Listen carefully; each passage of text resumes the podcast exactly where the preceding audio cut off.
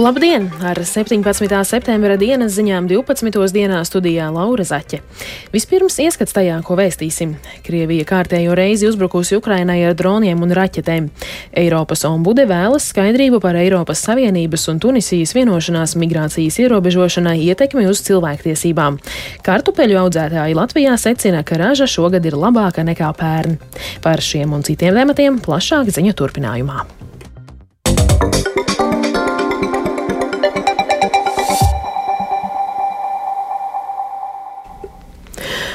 Ukrainā rīt pilnā apmēra kara 571. diena. Tā sākās ar kārtējiem Krievijas dronu un raķešu uzbrukumiem. Jaunus dronu uzbrukumus piedzīvojusi arī agresoru valsts Krievija, bet NATO ģenerālsekretārs atkārtot ir brīdinājis, ka karš var ievilkties. Vairāk stāsta Uldis Česberis.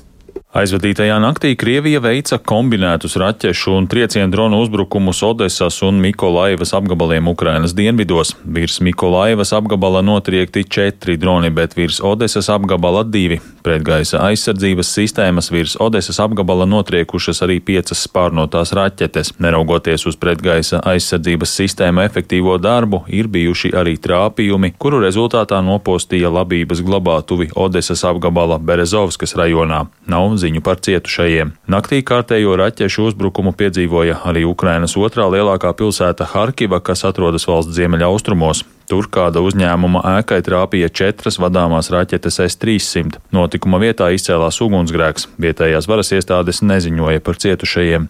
Arī vakar Krievija veica raķešu uzbrukumus Harkivai trāpot rūpnieciskajam rajonam. Ievainojumus guva vismaz pieci cilvēki. Šajos triecienos izmantoja sešas raķetes. Šonakt kārtējie dronu uzbrukumi notikuši arī Krievijā. Galvaspilsētas Maskavas mērs Sergejs Sobjaņins paziņoja, ka ir notriekts viens drons virs Istras rajona Maskavas apgabalā bet vēl viens drons virs Ramenskas rajona. Savukārt Krievijas rietumos esošās Orlas pilsētas apkaimē drons nogāzās naftas produktu bāzē un tā rezultātā aizdegās degvielas rezervuārs, bet virs Krievijas okupētās Krīmas pussalas šonakt esot notriekti seši bezpilota lidaparāti, paziņoja Krievijas aizsardzības ministrija. Pēc šonedēļ notikušā Ukrainas sekmīgā uzbrukuma Krievijas Melnās jūras kara flotes bāzē okupētajā Krimā Krievija ir pārvietojusi trīs lielos desantu kuģus no Melnās jūras uz Azovas jūru, paziņojuši Ukrainas kara flotes pārstāvji. Tas liecina par Krievijas pieaugošajām bailēm no jauniem Ukrainas triecieniem pa tās militārajām bāzēm Krimā.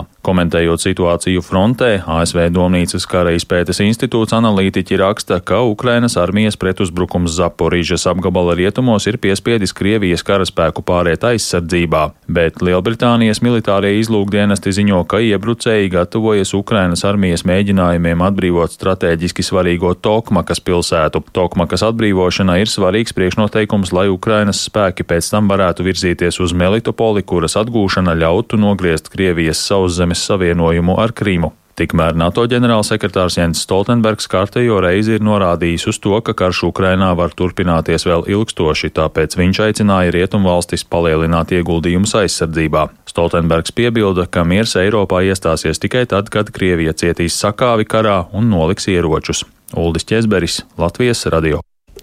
Eiropas ombude Emīlija Oreilija ir pieprasījusi Eiropas komisijai paskaidrot, kā tā spēs nodrošināt, ka Briseles noslēgtā vienošanās ar Ziemeļāfrikas valsti Tunisiju par migrācijas ierobežošanu nepārkāpja cilvēktiesību standartus. Šajā gadā jau desmitiem tūkstoši migrantu no Āfrikas un tuvajiem austrumiem ir atstājuši Tunisijas krastus, lai pa vidusjūru mēģinātu nokļūt Eiropā. Turpina Uldis Česberis. Eiropas komisija jūlijā noslēdza 785 miljonu eiro vērtu vienošanos ar Tunisiju par robežu kontroles stiprināšanu un cīņu pret cilvēku kontrabandu. Vienošanās ir izpelnījusies plašu kritiku no cilvēktiesību aizstāvjiem, kuri norāda uz Tunisijas varas iestāžu necilvēcīgo izturēšanos pret migrantiem. Eiropas ombude Emīlija Orēlija šonedēļ nosūtīja vēstuli Eiropas komisijas prezidentei Urzulai Fonderlejenai ar lūgumu paskaidrot, vai Brisele pirms vienošanās parakstīšanas ar Tunisiju veica ietekmes uz cilvēku cilvēktiesībām novērtējumu un vai ir veikti pasākumi, lai mazinātu cilvēktiesību pārkāpumu riskus.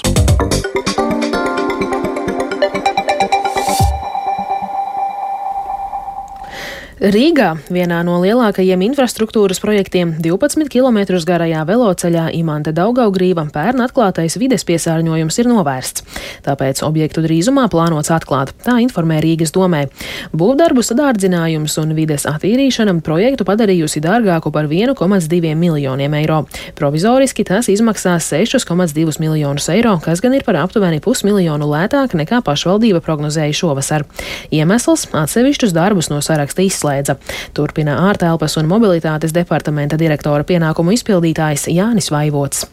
Var teikt, ka šobrīd darbi ir tikpat kā noslēgušies. Ir bijusi pirmā apsekošana, un šobrīd jau tiek veikti defektu labošanas un novēršanas darbi. Cerams, ka nākamās nedēļas izskaņā mēs varēsim pabeigt darbus un iespējams jau pat atklāt šo objektu. Ja neskaita varbūt šo piesārņojumu, tas bija salīdzinoši saprotams projekts. Protams, šie sanācies darbi ieviesa zināmas grūtības un būtiskākais bija bija tieši šo piesārņotās grunts utilizācija, ja pārstrāde, kas Latvijā nenotiek, tā bija jāveic Igaunijā. Kartupeļu raža šogad ir labāka nekā pērn, tā secina audzētāji. Vienlaikus izaicinājumus radījusi ražas novākšana Lietuvu dēļ, tāpēc audzētāji šajās dienās aktīvi vāc kartupeļu ražu, kuru daudzās saimniecībās šogad nāksies vairāk žāvēt.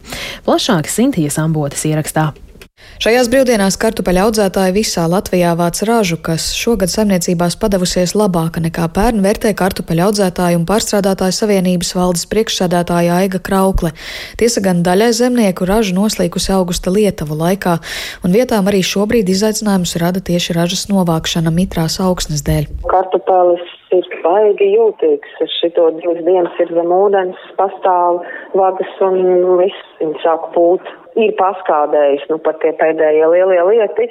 Bet tā kopumā ražas labas, beidzot pēc diviem ļoti sliktiem gadiem. Jācer vienkārši, ka varēs visu novākt, jo kartupeļu vākšana tagad tādā intensīvā procesā un lietas ir pa laikam jau, kad uzlīst, tad atkal uz mirklīt jānoliek mierā. Bet... Kartupeļu cenu nosaka uzpircēji, bet kāpjot minerālu mēslu un citām izmaksām cena šajā sezonā ir pieaugusi un kāps arī šogad, jo novākto ražu nāksies vairāk apžāvēt pirms glabāšanas. Pat labana kartupeļu cena vairumtirdzniecībā ir ap 27 centi par kilogramu nu, piemēram, šobrīd sēž kartupeļu pieņemšanā, nu, protams, ka nāk gana mitri pie kartupeļu. Lauki ir dažādi, bet, nu, daudzi ir stipri mitri. Tas nozīmē, ka no zemnieks droši vien, ka kaut ko būs spiest glabāšanas laikā pielikt pie tās cenas. Nu, zinot, mums ir kopējo pirkt spēju, neviens neliek tādu cenu, ka tu saproti, ka tāpat tev nevarēs nopirkt to produkciju. Labāšanas izmaksas tās ir atkarīgas no elektroenerģijas cenas, kas ir pakāpusies. Kartupeļi šobrīd būtu jāpalīdz viņiem nožūt, un tie ventilatori. Tie tur ir jāgriež diezgan daudz, un nu, tas, protams, skaits kilovatstundu. Valkas novada vīciem zemnieku saimniecībā piekalnis audzē gan sēklas, gan pārtikas kartupeļus. Saimniecina ar pakalni saka, ka raža ir vidēji laba, jo iepriekš ilgstošā sausuma dēļ, īpaši agrajiem stādījumiem, raža nogatavoja sagatavojusies mazliet vēlāk, un bumbuļu skaits vienā cerā ir mazāks. Jo garāks šis periods ir bijis sausumā, jo tam kartupeļam ir bijis grūtāk dzīvot. Un uh, to jau var redzēt pēc tā, kas notika tad, kad uh, uzliekas šis lietus. Ir mazie kartupeļi, kas ir aizmetušies šajā jūlijā, tad, kad sākās tas pirmais lietus, kas parādījās un tie, kas ir aizmetušies maija beigas. Un līdz ar to pie novākšanas nevar sagaidīt, ka tas mazais panāks to lielāko kartupeli. Un līdz ar to ir jāvāc, jo ir septembris, jo mēs jau nezinām, kas būs tālāk. Parasti mēs sākam vākšanu augusta beigas, un mēs zinām, kādas augusta beigas mums bija šogad. Arī tad, kad beidza līt, trīs dienas uz lauka vēl nevarēja tikt. Tāpat kartupeļu audzētāji norāda, ka šajā gadā mazāk bija izplatīta lakstu pūve, bet biežāk sastopama sausplankumainība, ar kuru ir ierobežotākas iespējas cīnīties, kas arī ietekmēs šī gada ražas apjomu. Sinti Ambote, Latvijas radio.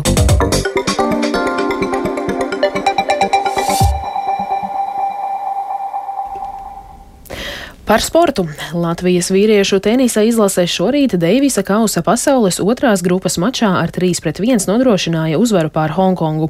Panākums ļaus Latvijas tenisistiem nākamgad atkal spēlēt pirmās grupas playoff kārtā.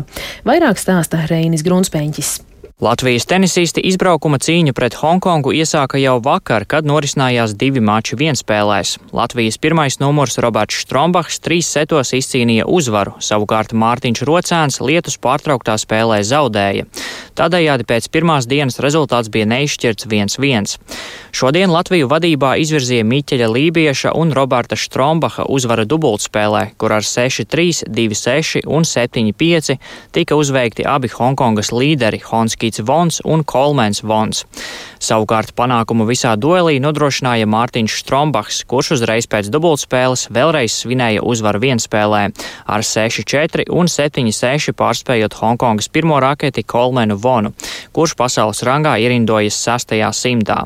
Otrā seta taibreikā Hongkongas tenisists spēja atspēlēt trīs mačbumbas, taču ceturto Strombaks izmantoja, panākot kopējā duelī rezultātu 3-1 un Latvijas uzvaru. Nākamgad Latvijas tenisa izlase atkal varēs aizvadīt pasaules pirmās grupas playoff maču, kurā šogad zaudēja Izrēlai ar 2-3 no Latvijas izlases atvadoties Ernestam Gulbim. Latvijas futbola virslīgā šodien noslēgsies 29. spēļu kārta. Pūksteni divos Daugavas stadionā Liepājā tiksies divas pretendentas cīņā par trešo vietu - Liepāja un Valmiera. Līdzinējās cīņas šajā sezonā starp abām komandām bijušas ļoti sīvas. Katra komanda izcīnījusi pa vienai uzvarai, bet iepriekšējā spēle beidzās neizšķirti.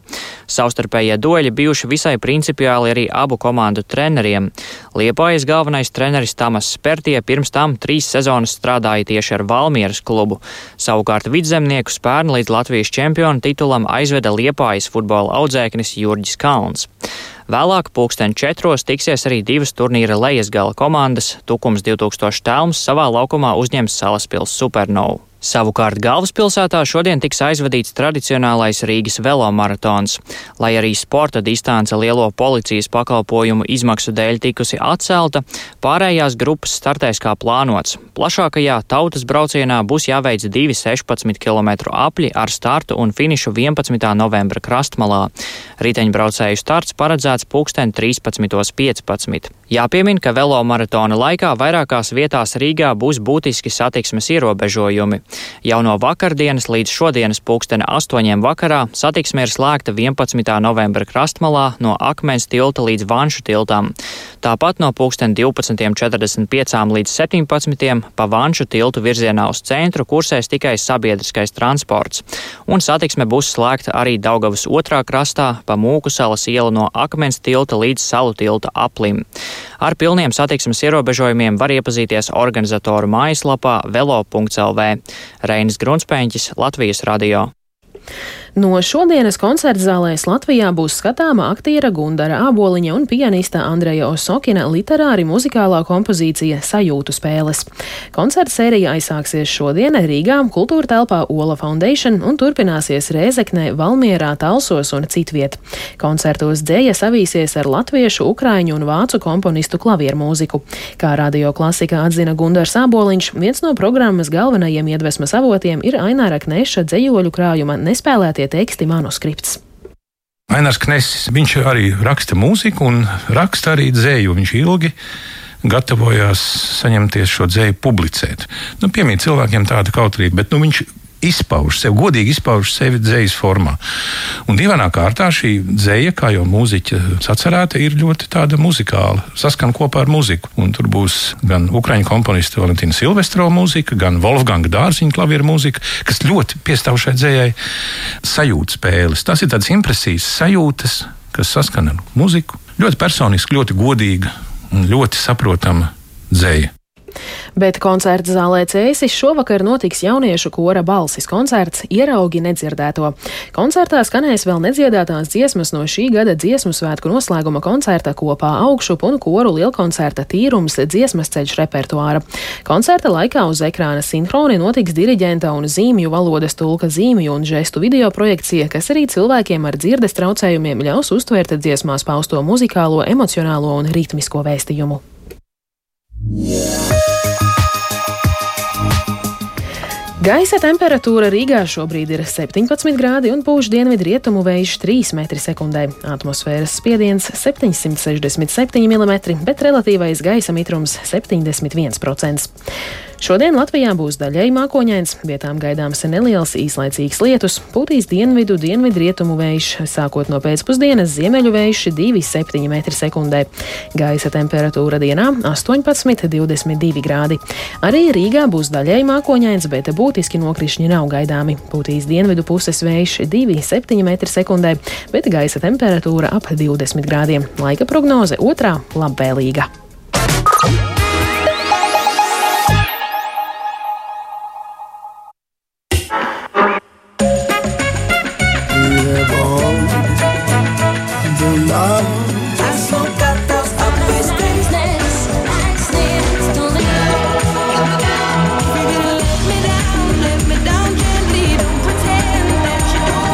Dzīves ritmi mūzikā.